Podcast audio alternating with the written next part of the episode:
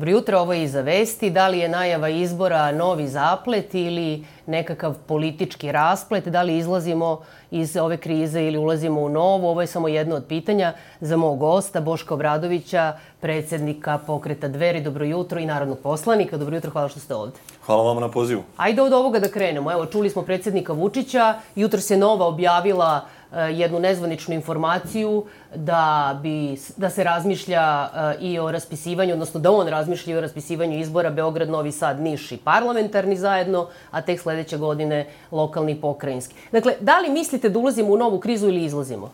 Pa nema sumnja se nalazimo pre svega da se razumemo u ogromnoj političkoj i posebno socijalno-ekonomskoj krizi. Uh -huh izlazak iz takve krize mogu biti izbori, ali samo pod uslovom da razlastimo Aleksandra Vučića i njegovu apsolutnu vlast na bilo kom nivou od republičkog preko pokrajinskog do lokalnog, beogradskog, novosadskog, niškog ili čačanskog, pa gde mislim da opozicija ima velike šanse da pobedi. A koji je onda odgovor na moje pitanje?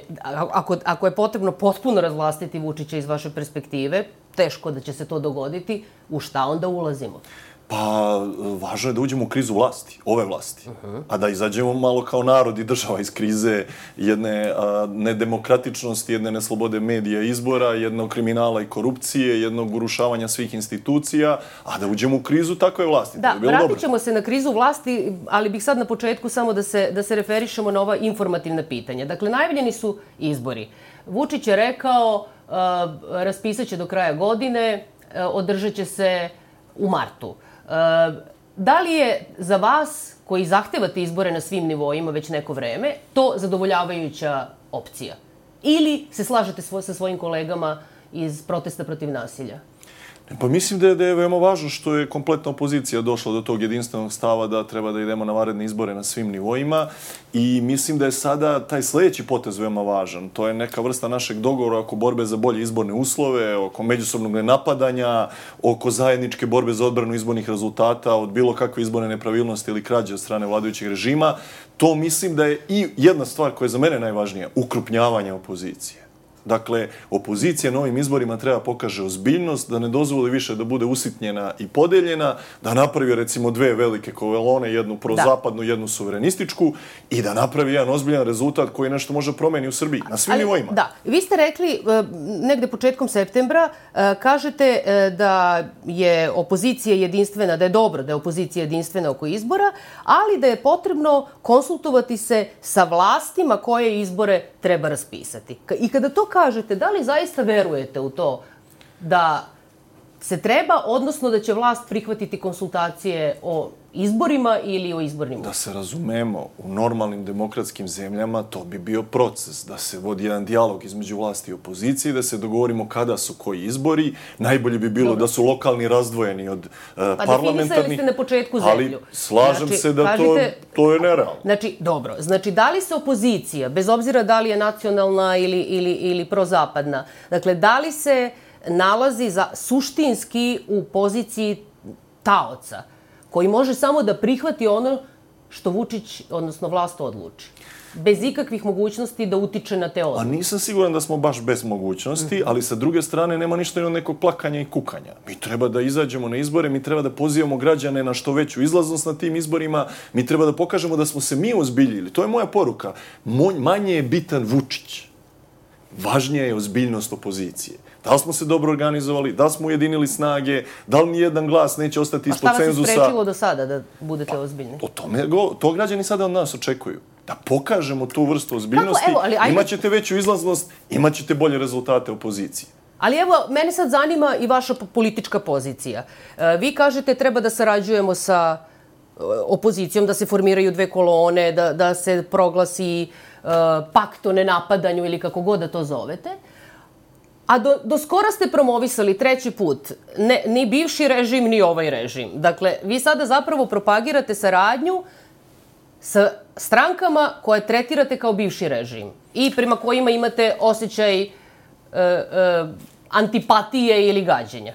Da se razumemo, moramo razlikovati dve stvari. Jedno je politika, ideja, program, a drugo su tehnička pitanja. Dakle, što se tiče ideologije i programa, mi smo treći put. Nismo ni za ovu vlast, ali nismo ni za povratak na bivši režim. Mi smo jedna nova snaga koja dolazi, državotvorne patriotske snage, koje ostalo mi širom Evrope pobeđuju na izborima. Mislim, po čemu ste nova snaga? Po, pa, vi niste bili na vlasti, nismo bili na vlasti. ali vaše ideje su stare ideje.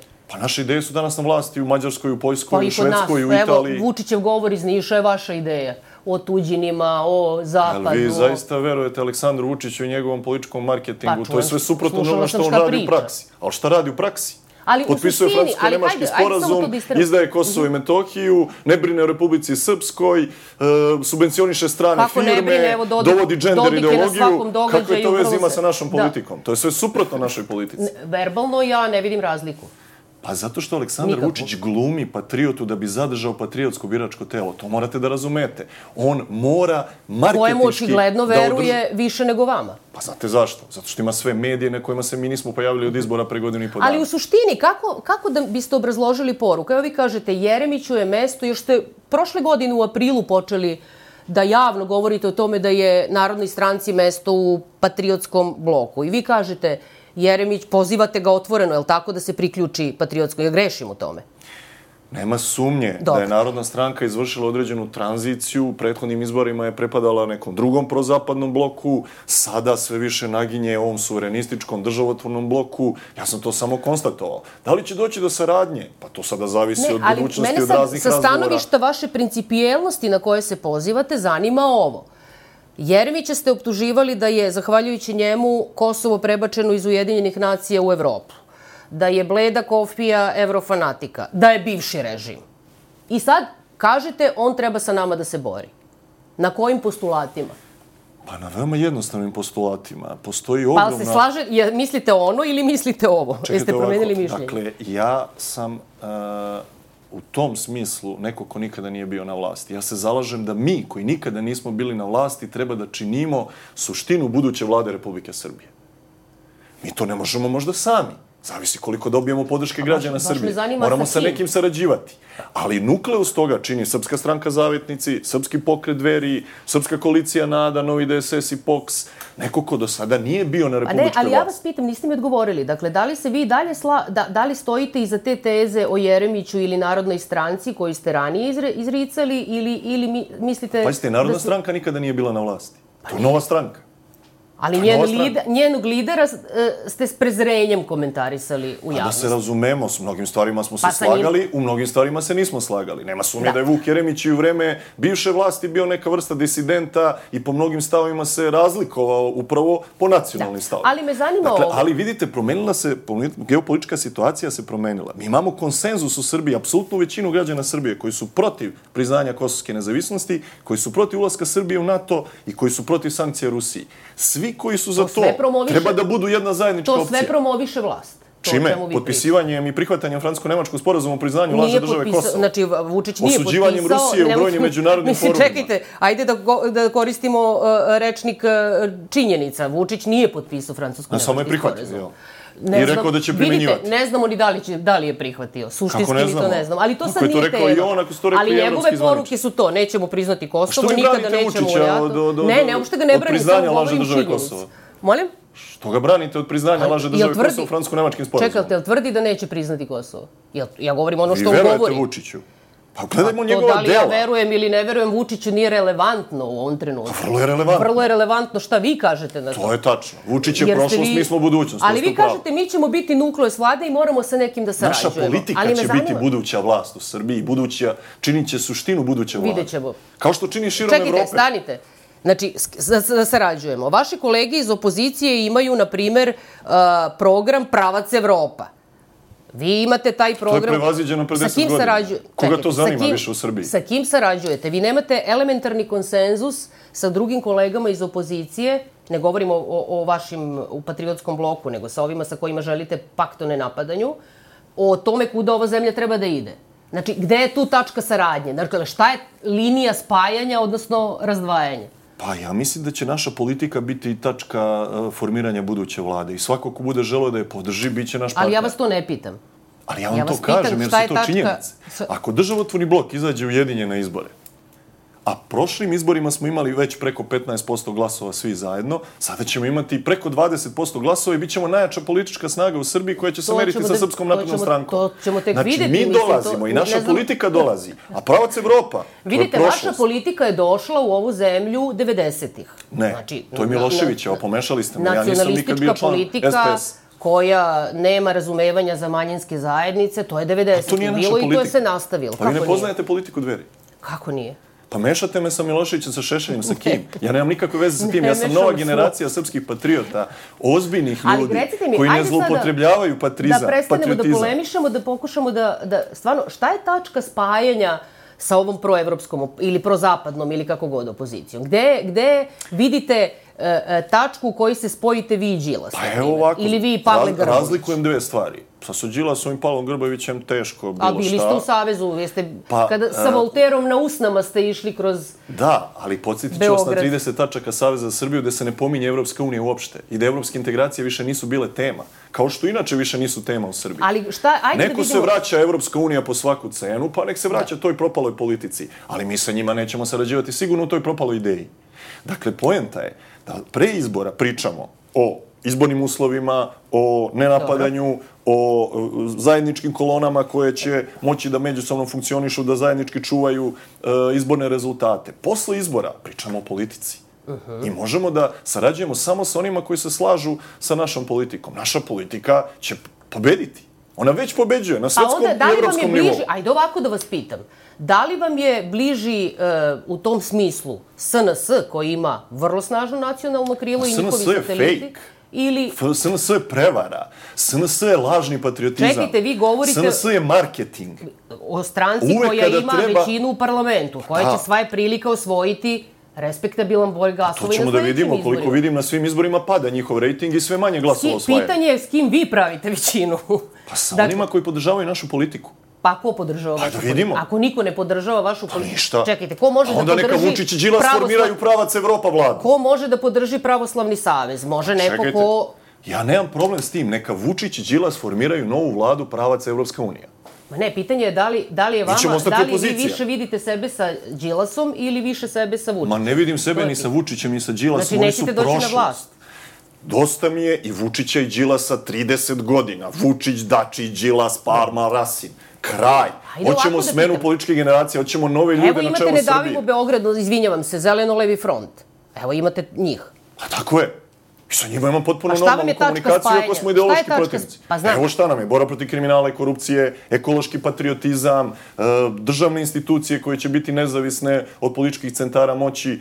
Ima, ima toliko Dobro, toga. i oni kažu, idemo u NATO i ne znam, u, Pa pitajte građane Evropu, Srbije, kolege iz Zelenog levog fronta, šta kažu građani Srbije. Ne, ne, pitamo građane Srbije. Hoćete u NATO? 90% ne. Onda Zeleno levi Ali front da- ide u opoziciju, Da. a mi ostajemo na vlasti.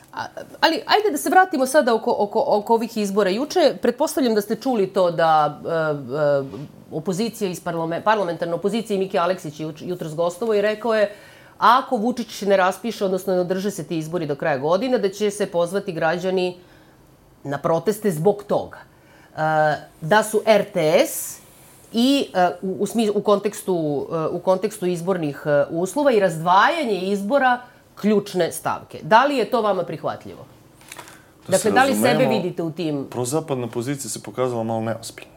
Pre svega prisvajajući proteste i smanjujući broj ljudi Pa zato što su te proteste stavili u funkciju Umesto da mi svoje odgovorite predizborne na pitanje, vi kampanje. sad komentarišete i kažete da Pa prisvajajući neozbiljan im je i proteste, pa su vas zahtev zvali koji da su poslali Vučiću im je neozbiljan. Do, pa tako kaže. Pa mislim, to on kaže. Jesu vas zahtevali, jesu vas zvali da, Pa naravno da učestvujete nisu, misle da su najpametniji, misle da su protesti njihovi, da je anketni odbor njihov, da su oni najpametniji, da imaju hilovu podršku. Pa kako ćete pokret o nenapadanju sad, vidite što pričate? Pa vi ste me pitali, moram da vam odgovorim na pitanje. Šta da kažem, da je njihov zahtev Vučiću bio ozbiljan, kad je bio neozbiljan? Dobro. Šta mislite da treba postaviti kao zahtev? Vučiću ili mu uopšte ne treba postavljati zahteve? Treba postaviti zajedničke zahteve za bolje i poštenije izborne uslove. Pa šta to Zajedničke. znači? Ali ljudi ne, ne žele Dobro, komunikaciju, to ljudi misle da su najpametniji. A kako se realizuju ti zajednički zahtevi? Vi ste učestvovali u onim dijalozima. Tako je. Mislim na oba koloseka da ste, da ste učestvovali. I sa vla, ovo, i što je vlast I organizovala. izdejstvovali smo bolje izborne uslove.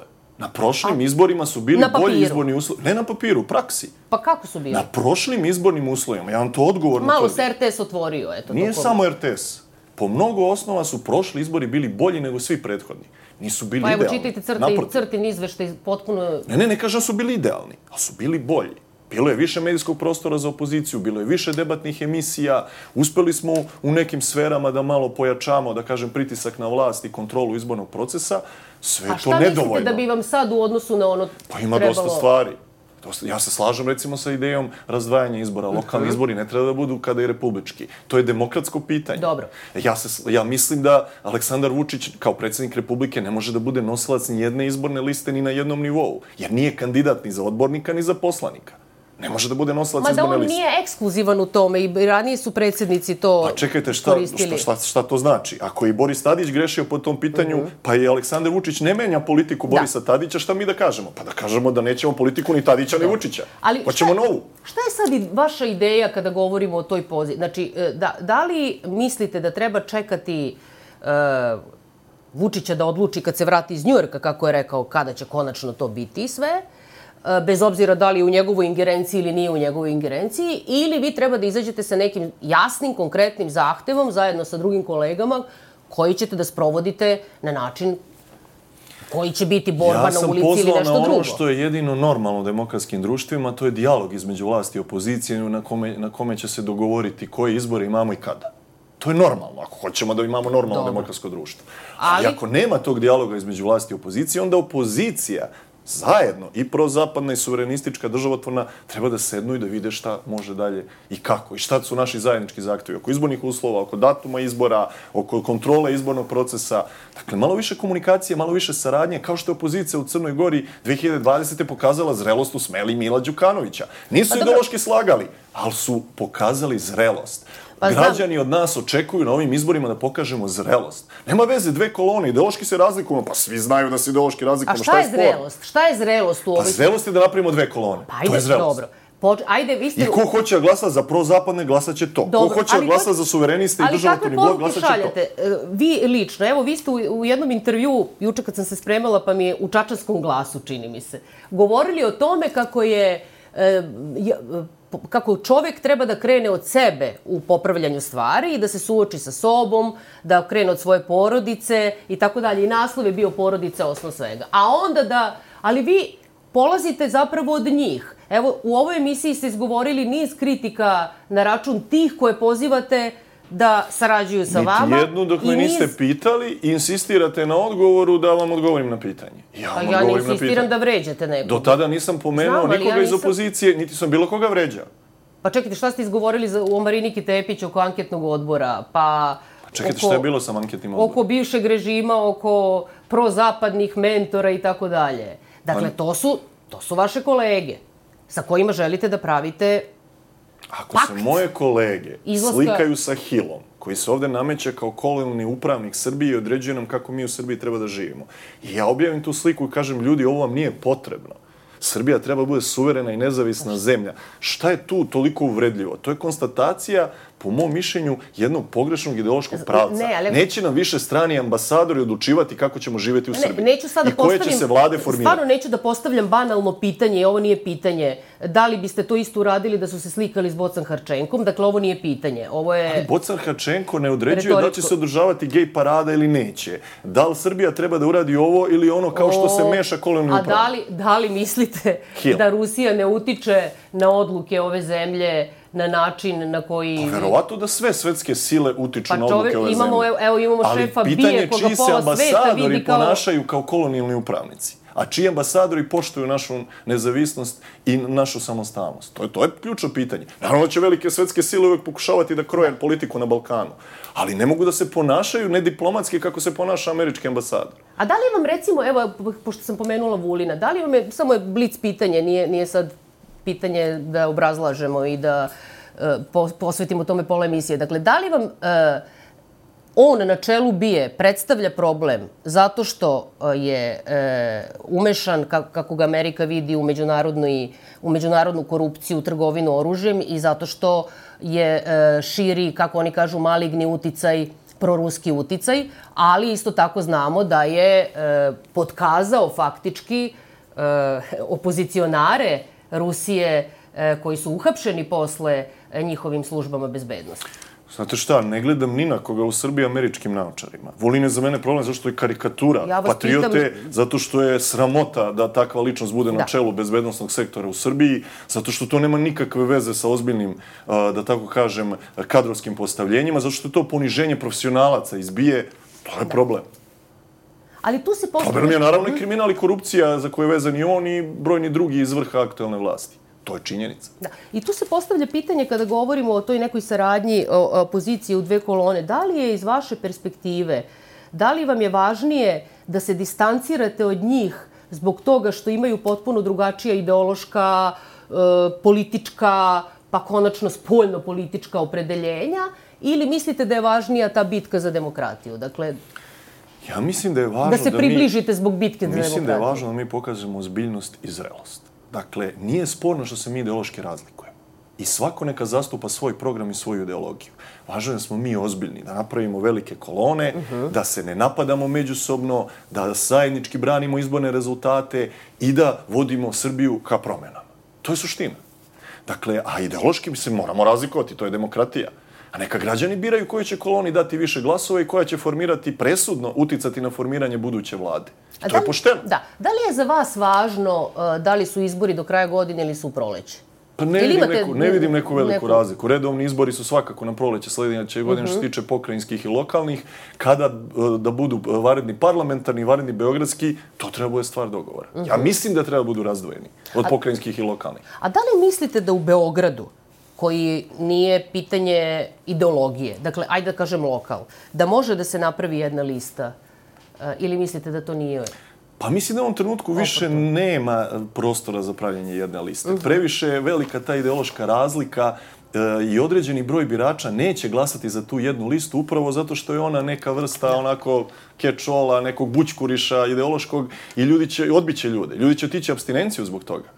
Ali kada im date jasno ideološki profilisanu jednu kolonu, jasno ideološki profilisanu drugu kolonu, ljudi će se naći u jednoj od te dve, izaće na izbore, bit će motivisani, guraće svoju ideološku priču, a posle izbora Da. da sednemo da razgovaramo o nekoj budućoj vlasti na bilo kom nivou. Imam, e, imamo još manje od dva minuta i imam još dva pitanja. Dakle, ovo se prvo odnosi na, na komunikaciju uh, u opozicionim redovima i u, sa vašim kolegama iz, iz bloka i sa uh, ovim drugim, naročito oko, oko izbora i oko ovih svih. Kakva je vaša komunikacija? Odlično, kao što vidite, formirali smo zajedničku odborničku grupu u Skupštini grada Beograda, zavjetnici i dveri. Istu takvu, što se mene tiče, treba formirati zajedničku poslaničku grupu na nivou Skupštine Srbije. Imamo sjajnu komunikaciju sa nizom vodećih srpskih intelektualaca. Ali ja vas Očekujemo veliko pitam, sa ovom drugom okupljanje. opozicijom koja treba u drugoj koloni da bude oko izbornih uslova i oko ovih stvari koje... Pa što, kao što vidite, ja sam spreman i nemam nikakav problem s tom komunikacijom. Nikad ni do sada nisam imao. Mislim da su samo oni, da tako kažem, jednostavno rešili da krenu nekim putem, ono, mi smo najveći, najpametniji, jedino... A je kao, sve odnosno, u razumno. čega to zaključujete Pa sad? prisvajanje protesta, prisvajanje A anketnog čekajte, odbora, to nije- sad pri- ne, ne, odsustvo bilo kakve komunikacije. Kažete, Vučić ne govori istinu. Da li je istina da su vas pozvali da budete u organizaciji protesta, da vi to niste želeli, u onoj tehničkoj? Pa nije istina. Nije Mi smo istina. učestvovali Znači- u formulisanju zahteva protesta. Potpisali ih. I šta su vam rekli, sad marš napolje, ne možeš da Ne, organizuješ rekli protest? su ajmo za 15 minuta na konferenciju za medije na kojoj najavljamo protest za ponedeljak. Mi smo rekli, "Jo, imamo predsjedništvo, imamo neke organe pokreta, ne možemo nas dvoje ovde da odlučimo o tome kada i u čemu ćemo učestvovati, jer to je jedna ozbiljna stvar. Ne, mi za 15 minuta izlazimo. To je A taj što se problem. posle predsjedništva niste javili i rekli, mi smo Odsustvo odlučili da učestvujemo? Naučite da poštujete patriotsku državotvornu poziciju i sve će biti A vi poštujete ovu drugu? Pa da. To sta, zaista da. svakom rečju dokazuje. Pa evo, dokazujem učestvovanjem u Savezu za Srbiju. ali ajde- dokazujem mnogim postupcima svojim u posljednjih nekoliko godina da poštujem sve kolege iz opozicije. Da, da, Ideološki se naročito da. razlikujem i polemišem sa njima, da, ali ih poštujem. Pa i vređate ih. Pa čime? Zato što Pa pa, evo, kažu da su bivši sam. režim. Jel to Pa nešto je bivši, ne samo što kažete da je bivši režim, evo šta ste rekli za Jeremića koga sad zovete da vam bude deo koalicije. Citirajte mi šta sam rekao za Jeremića. Hoćete? Da. E, evo sad ću da vam citiram šta ste rekli za Re- Jeremića. I kada? I gde? Sekund. E, pa mislim, nemojte sad ko Vučić. Pa da je on bleda kopija e, evro, evrofanatika. Samo sekund da ga nađem gde je to. Mhm. Evo ga, predsjednik pokreta dveri rekao je da bi Vuk Jeremić kao predsjednički kandidat bio bleda kopija evrofanatika iz aktualne vlasti i dodao da bi bilo logičnije da Jeremić podrži njega kao predsjedničkog kandidata nego obro, evo, to je Šta je sporno? Pa jeste ga Pa optuživali? logičnije je da predstavnici bivšeg režima podrže nekoga novog, jer novi ima više šanse pobedi Vučića nego on. Pa dobro, neću sad raspravljamo da, o pa Jeremiću, ne ali mogu to oni iz bivšeg režima da pobede Vučića, moraju to da shvate. Ne mogu da ga pobede. Ne mogu da ga pobede. Mora da ga pobedi neko novo. Pa i DSS vam je bivši režim. Taj vaš isto. Da, ali nije Miloš Jovanović kao novi predsjednik DSS-a Pa bio neka figura na vlasti u bivšem da, režimu. moramo da završavamo. Molim vas, sa, još pet sekundi samo. 2019. u februaru ste rekli u intervju u vremenu e, kako je režim ozbiljno uzdrman. Mi smo sada u 2023. I isto čitamo ove komentare kako je režim ozbiljno uzdržan, uzdrman. Ali nešto nije u redu sa tim. Ili s komentarima ili sa Bio je ozbiljno uzdrman 2019. na ogromnom protestu 13. aprila kada se skupilo skoro 100.000 ljudi u Beogradu. Greškama opozicije smo došli u situaciju da to nije završeno padom tadašnjeg e, i sadašnjeg režima i sada našim greškama također ovaj režim može da opstane. Ako ne napravimo greške, ako pokažemo zbiljnost i zrelost, ako napravimo dve velike kolone, ako međusobno komuniciramo i sarađujemo, imamo šanse da smenimo vlast, makar u Beogradu, Novom Sadu, Nišu, Čačku, a vidjet ćemo šta će biti na pokrajinskom i republičkom nivou. Hvala što ste bili gosti Hvala vam. za vesti i televizija N1. Bio ovo e, Boško Obradović. E, Emisiju možete slušati u audio formatu na svim većim e, podcast platformama. Ostanite uz novi dan, vrlo brzo se vraća Nataš. Prijatno.